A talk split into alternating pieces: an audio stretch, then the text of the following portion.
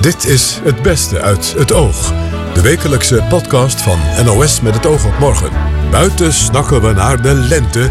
Binnen zit een stralende Mieke van der Wij.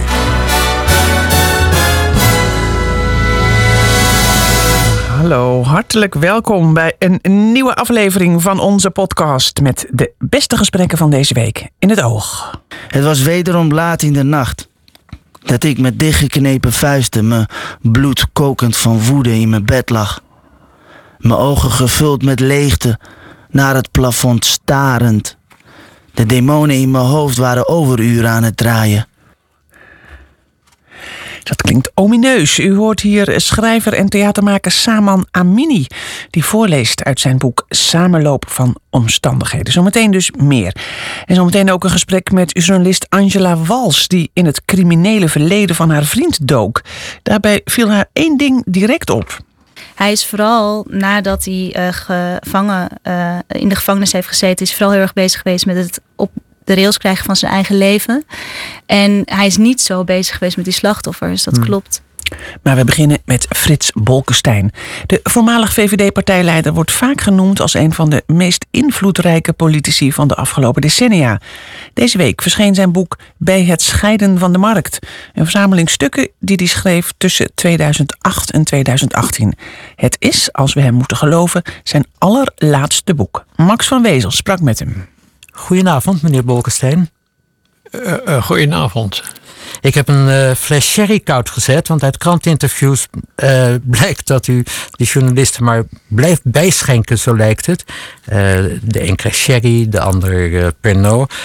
zodra de vijf in de klok zit, komt er een glaasje op tafel in Huis Bolkestein. en eerder als het moet. Uh, wanneer doe, ongeveer? Nou ja, uh, nou eigenlijk uh, de hele middag door.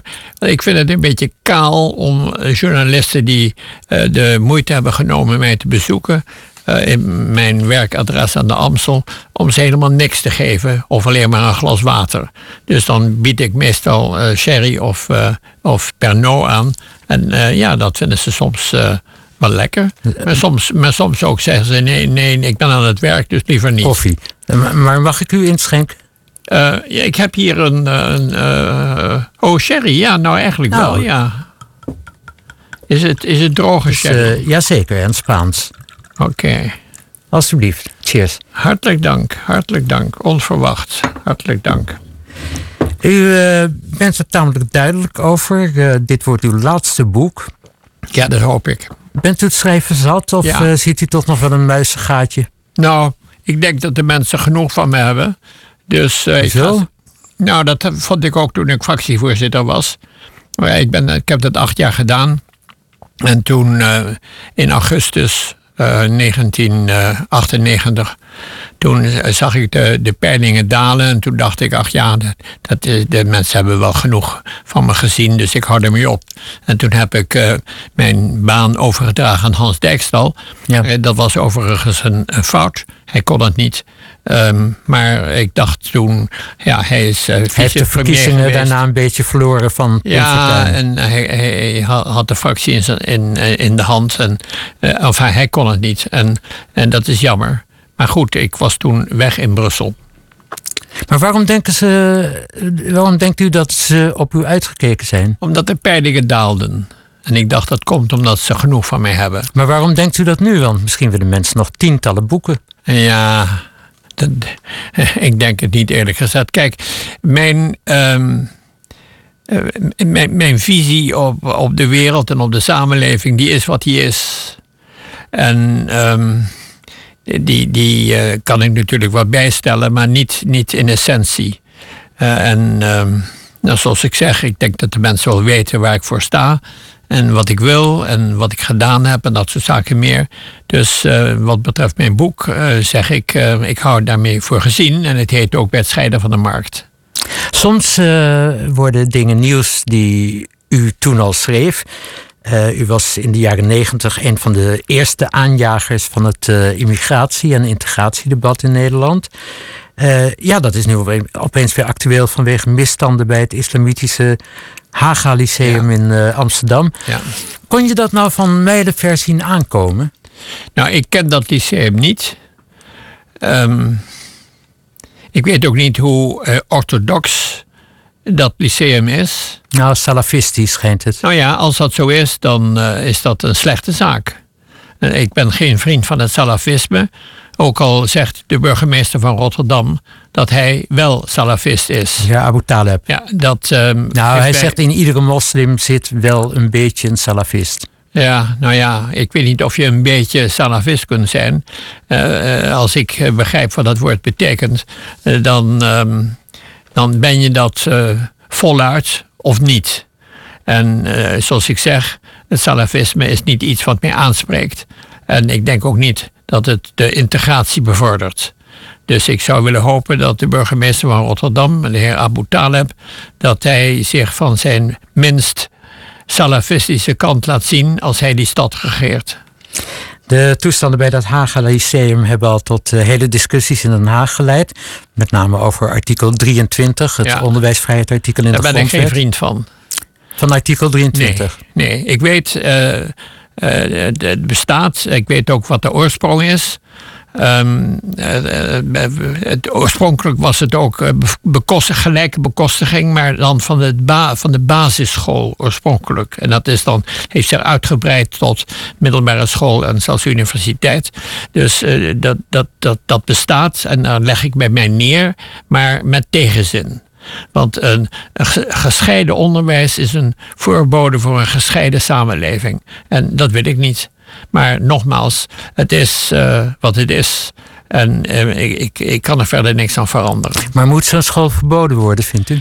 Uh, verbod van onderwijs is een, is een moeilijke zaak. En ik ben eigenlijk niet voor, voor ik ben niet zo voor verboden. Maar. Um, nou, de bekostiging intrekken. Ja, ja, nou ja, kijk, ze moeten natuurlijk uh, onder supervisie worden geplaatst. Uh, ik heb begrepen dat de inspecteur toegang is geweigerd. En dat kan natuurlijk niet. Als het waar is, dan is dat natuurlijk totaal onmogelijk.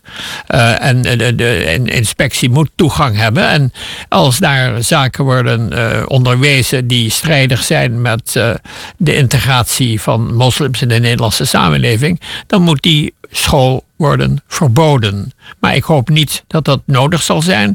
Want nogmaals, ik ben tegen het verbod van onderwijs en zeker niet van islamitisch onderwijs.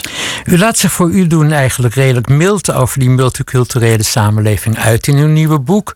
Uh, u heeft ja. het over succesvolle allochtone vrouwen in het hoger onderwijs. Ja.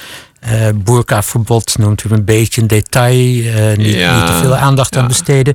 Bent u milder geworden? Dat weet ik niet. Uh, ik, um, um, ik vind inderdaad dat uh, allochtone vrouwen in het hoger onderwijs uh, een buitengewoon goed figuur slaan. En uh, men zegt dat ze zelfs beter uh, tot ontwikkeling komen dan de autochtone uh, studenten waar zij naast zitten, zal ik maar zeggen. Dus dat is een uitstekende ontwikkeling. Um, er zijn ook andere terreinen waar dat minder goed is, bijvoorbeeld bij werkgelegenheid. En ook als je kijkt naar de, de bewoners van onze gevangenissen, dan is de aanwezigheid van allochtonen toch hoog, 50 procent of iets dergelijks. Maar u zegt in uw boek niet meer, de integratie is mislukt. Nee. Nee, dat vind ik ook niet. Ik vind, dat kun je niet zeggen. Uh, alhoewel er natuurlijk uh, ja, pluspunten en minpunten zijn, zoals ik net heb gezegd. Maar ik vind alles bij elkaar genomen, vind ik dat het de goede kant op gaat. En dat je ook meer huwelijken uh, door de, de grenzen van, van de, de etnische grenzen heen ziet. Over mild zijn gesproken. Een paar jaar geleden zei u op televisie nog over de premier Mark Rutte.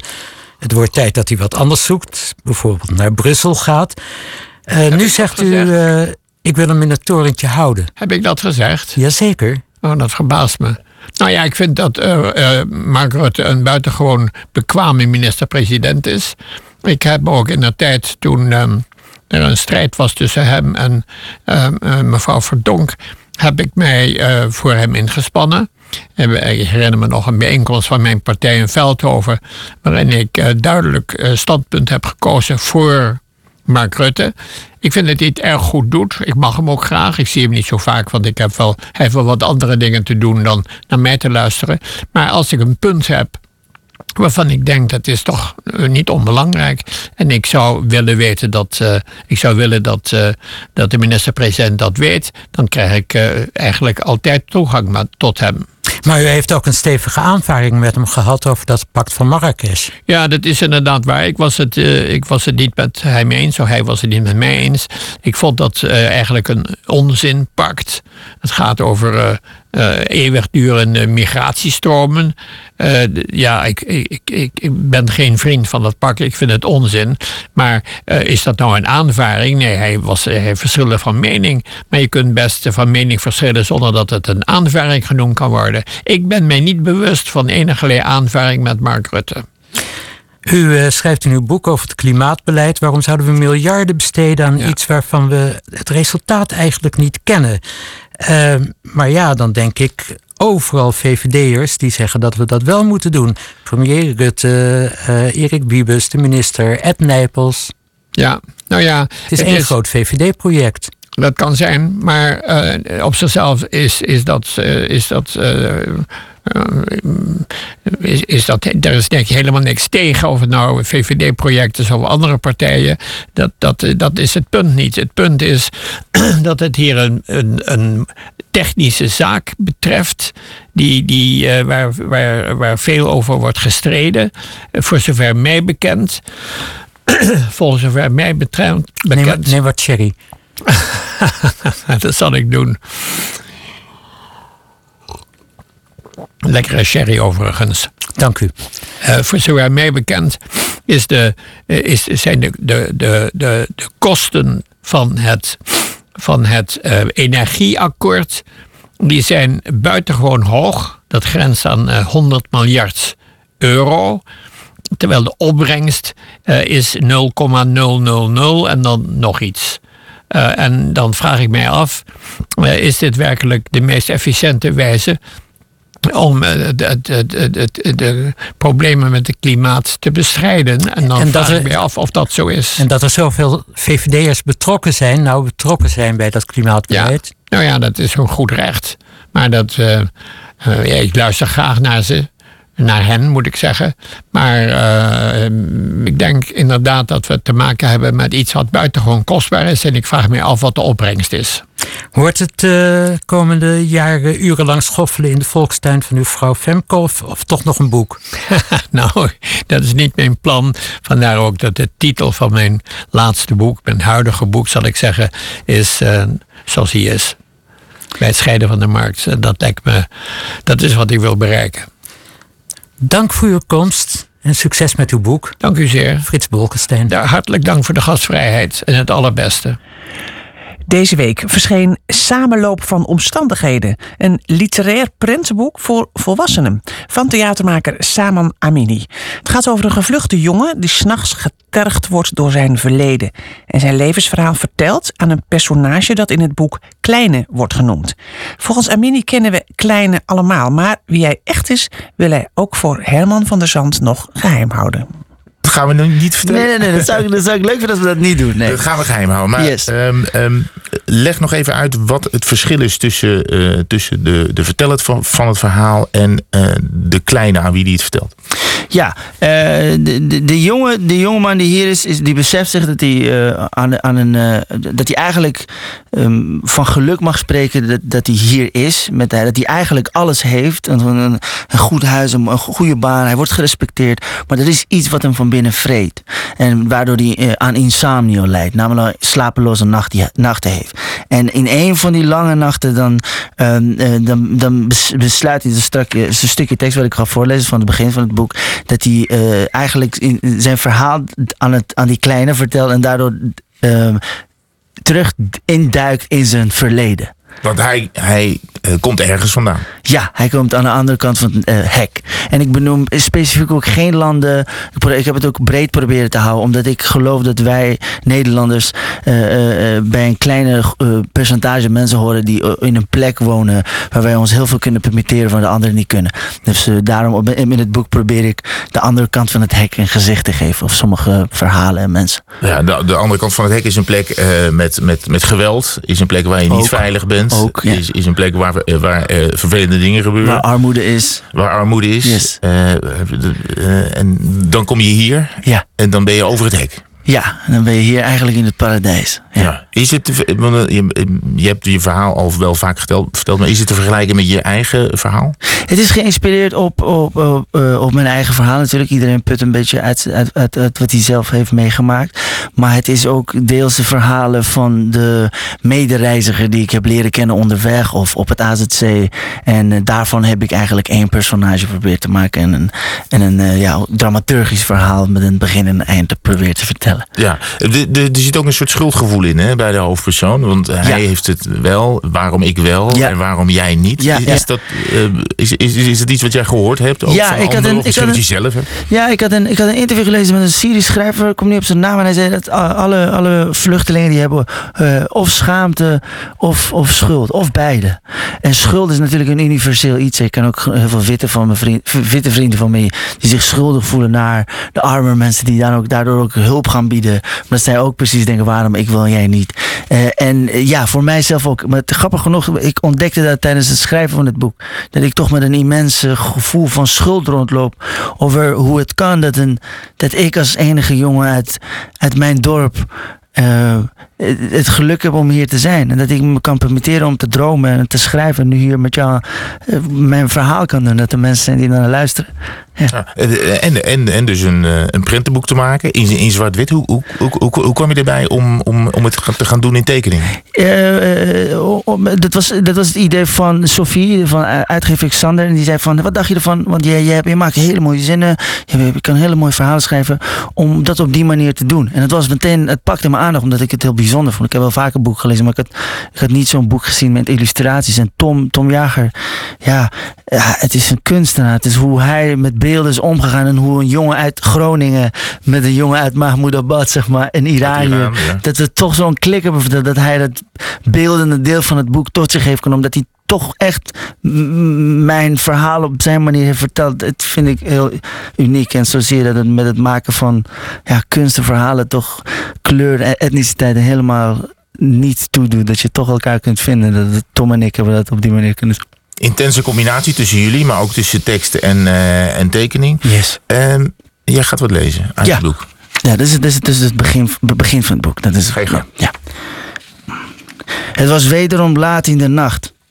Dat ik met dichtgeknepen vuisten, mijn bloed kokend van woede in mijn bed lag. Mijn ogen gevuld met leegte, naar het plafond starend. De demonen in mijn hoofd waren overuren aan het draaien. Ik stond op het punt met mijn hoofd de muur in te gaan om mezelf de duisternis in te slaan. Een wijze man zei me ooit dit te leren. Alle emoties die jij diep in je hebt verborgen, zijn levend begraven zorgen. En op een dag zullen ze terugkeren. Vandaar dat ik deze brief begon te schrijven. Aan jou, kleine. Ehm, heeft, heeft het boek ook eh, een politieke lading? Wil, wil je eh, mensen laten zien wat vluchten met mensen doet en dat er ook in, in de politiek meer aan gedaan wordt? Niet op die manier, want ik vind het natuurlijk een hele moeilijke discussie natuurlijk. Hè. Eh, maar ik heb, er is een stuk dat ik, dat ik een aanspraak, of dat ik probeer te belichten over wapenhandel. Mhm. Dat, dat wij met hetzelfde geld van dezelfde bon waar, waar we, en wij als het Westen, dat we mensen uit hun huizen wegjagen met hetzelfde geld hogere hekken bouwen. Dus een heel klein beetje. Maar mijn doel voornamelijk met verhalen is, ik probeer een brug te bouwen. Ik probeer mensen een, een gezicht te geven. Dat, dat- dat- ik vind dat ik een bevoorrechte positie heb. Hoe dat is gekomen, weet ik niet. Maar ik, ik kan dat eh, verhalen vertellen. Je En bent toevallig aan deze kant van het hek wel ik beland, ja, geloof ik in echt gewoon heel veel geluk gehad. Na Met- ja- jaren in een asielzoekerscentrum kansen gekregen, Yes. eh, eh, gepakt. ja, En, en daar heb je gedaan wat je. Ja, en nu, nu, kan, kan. ik, eh, ja, nu kan ik mensen aan elkaar binden op een, eh, wat ik zei, op thema's wat ons allen aangaan. Namelijk, weet ik veel, eh, onbereikbare band tussen vader en zoon, zorg voor ouderen, Zit er ook in, hè? Schuld. Ja, zeker, zeker. Ik probeer ze wel eh, universeel aan te kaarten. Eh, het, het maakt heel veel indruk, je boek in ieder geval. Dat, eh, dat, dat spreekt boekdelen, zou ik maar zeggen. Samenloop van omstandigheden van Saman Amini. Het Haga Lyceum in Amsterdam is de hele week in het nieuws. De school is vernoemd naar Cornelius Haga. Maar weet u wie dat was? Herman van der Zand vroeg het woensdag aan Midden-Oosten-deskundige Bertus Hendricks. Hij was in de 17e eeuw de eerste ambassadeur van de Republiek der Verenigde Nederlanden bij het Ottomaanse Rijk, waarvan de sultan eh, tegelijkertijd de, de kalif was van de hele islamitische wereld. En, en dat de jonge Republiek van de Verenigde Nederlanden toenadering zocht tot dat islamitische Ottomaanse Rijk, dat was niet zo vreemd. Want het was de tijd van de 80-jarige oorlog, de strijd van de protestantse Nederlanden tegen het katholieke Spaanse koning Philips II. En het was de tijd van het parool liever Turks dan Paaps. Ja, dus, dus we gingen liever samenwerken met de Turken dan, eh, dan, dan, dan met de Spanjaarden natuurlijk. Ja, jazeker. Hij- Hij kreeg als opdracht: zorg dat je goede betrekkingen aanknoopt met de vijand van onze vijand, die onze vriend moet worden. En hij was dus eh, meer eh, eh, geen, geen koopman of dominee. Hij, nee, hij was alles behalve een soort christelijke salafist. Nee, hij was, en ook die theoretisch, theologische toenadering moest brengen tussen protestants christendom en islam. Maar hij was een politieke realist. Hè? Geen dominee, maar koopman en een hele goede ook. Want hij kreeg van de Ottomaanse sultan gedaan dat de Nederlanders onder hun eigen regels en wetgeving handel mochten drijven in het Ottomaanse Rijk. En daarvoor had hij nog speciaal eh, een soort eh, organisatie opgericht, de directie van de Levantse handel en, en navigatie op de Middellandse Zee, die toezicht hield op die handel. Dus het was een heel succesvol ambassadeur. Succesvolle, handige jongen. eh manoeuvreert dan handig bij de, bij de kalif. Logisch dat de school zich dan naar Cornelius Haga noemt. Nou ja, zij zien hem als iemand die de dialoog eh, tussen islam en christendom cultiveerde. Nou, hij heeft ongetwijfeld van veel respect voor de islam blijk gegeven in zijn contacten met de sultan. Maar zoals ik al zei, eh, als diplomaat was hij niet zozeer dominee, maar wel koopman. En dat laatste deed hij heel goed. Ja. Eh, heb je enig idee, of overvraag ik je nu Bertus, eh, hoe zij die naam Cornelius Haga zouden hebben uitgesproken daar? Nou, ik, eh, ik weet niet hoe de Ottomanen het gedaan hebben. eh, maar in het Arabisch is het heel makkelijk om Haga. eh, want alle woorden, alle letters die erin voorkomen, die zijn in het Arabisch ook aanwezig.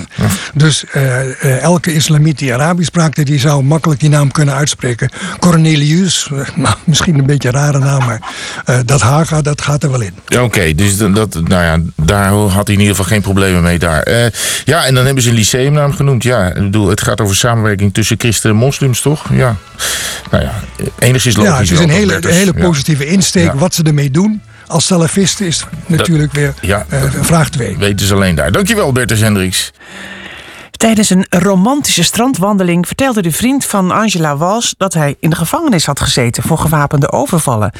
Chris Keijne sprak met Wals, die een boek over haar vriend Thomas schreef. Hij zelf wilde niet naar de studio komen. Nee, hij eh, is eh, blij voor me dat het boek er is. Hij is- heeft ook heel open voor het boek over zijn criminele verleden gepraat. Ja. Het zijn gewapende overvallen geweest toen hij 17 was. Ehm, maar hij heeft wel gezegd, alles eh, wat daarna komt, dat mag je Hij zelf hoeft niet doen. zo nodig met, met zijn kop op de radio. Nee. Ehm, en waar is hij precies voor veroordeeld? Hij heeft eh, eh, vier gewapende overvallen gepleegd.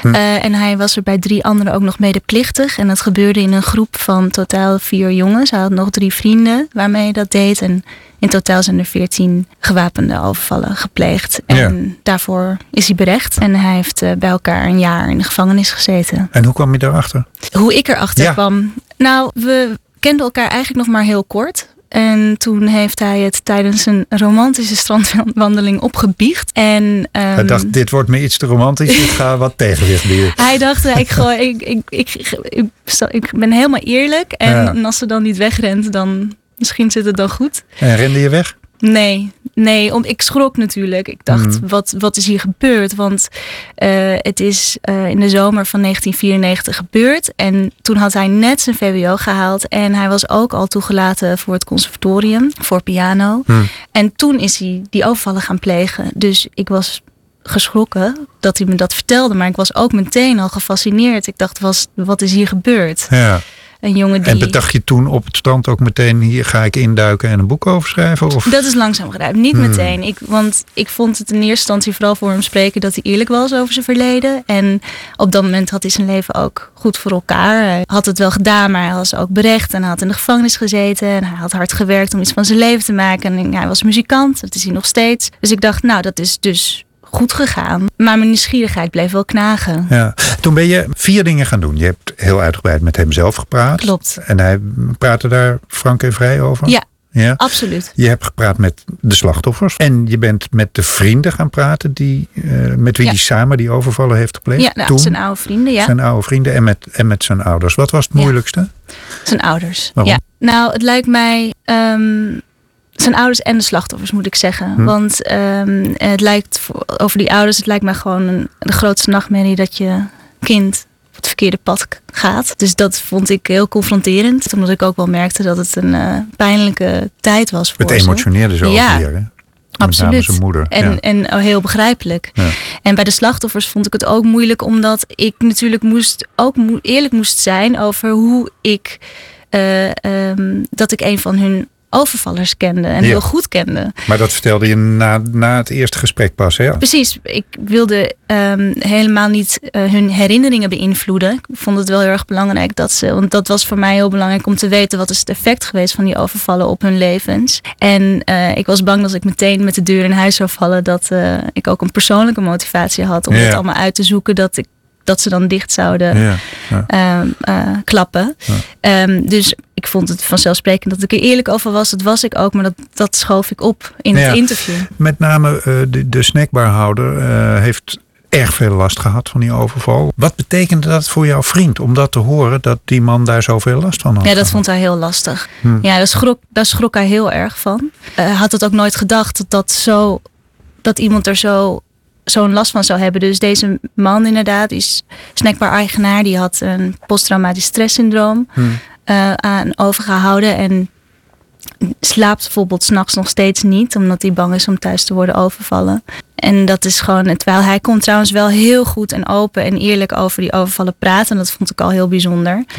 Eh, dus ik voelde me eh, heel rot dat mijn vriend daar natuurlijk een aandeel in had. En Ja. hij voelde dat zelf ook zo. Hij voelde het zelf ook, maar je, maar je zegt eh, nu ook, en dat blijkt uit het boek ook, hij, hij had zich dat eigenlijk nooit bedacht dat iemand daar zoveel last van kon Nee. hebben. Nee, want, klopt. Want eh, er zit iets merkwaardigs in de manier waarop hij er na, na eh, het plegen en ook tijdens het plegen mee om is gegaan. Alsof hij er soort een beetje van een afstandje naar kijkt of Ja. zo.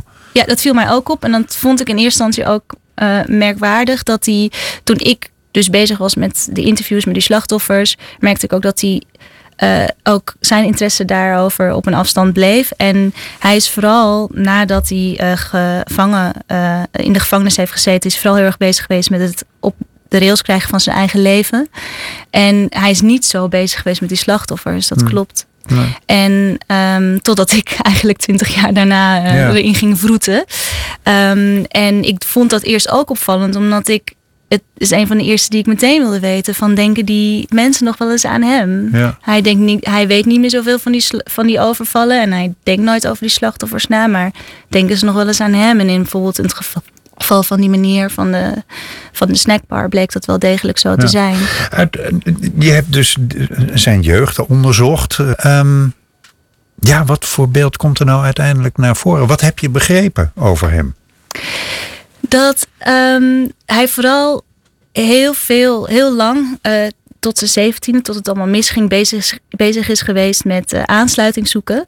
En dat lukt en dat dat niet echt lukt. En iets anders van zichzelf, heeft iets anders van zichzelf proberen te maken. Hij, Hij woonde in het Spijkerkwartier. Hij woonde in het Spijkerkwartier. Wat, wat een, een ruige buurt was. Ja. Hoerenbuurt, junks, noem Ja, het allemaal maar op. Terwijl hij uit Arnhem. een keurig, eh, eh, ja, hoogopgeleid milieu kwam Ja. eigenlijk. ja, En daar, daar zat frictie. Ja, dus die spanning op de straat in het Spijkerkwartier was, het was een levendige buurt. Het was ook eh, veelzijdig, maar ook spannend. En die spanning op de straat, eh, van de straat trok hem aan.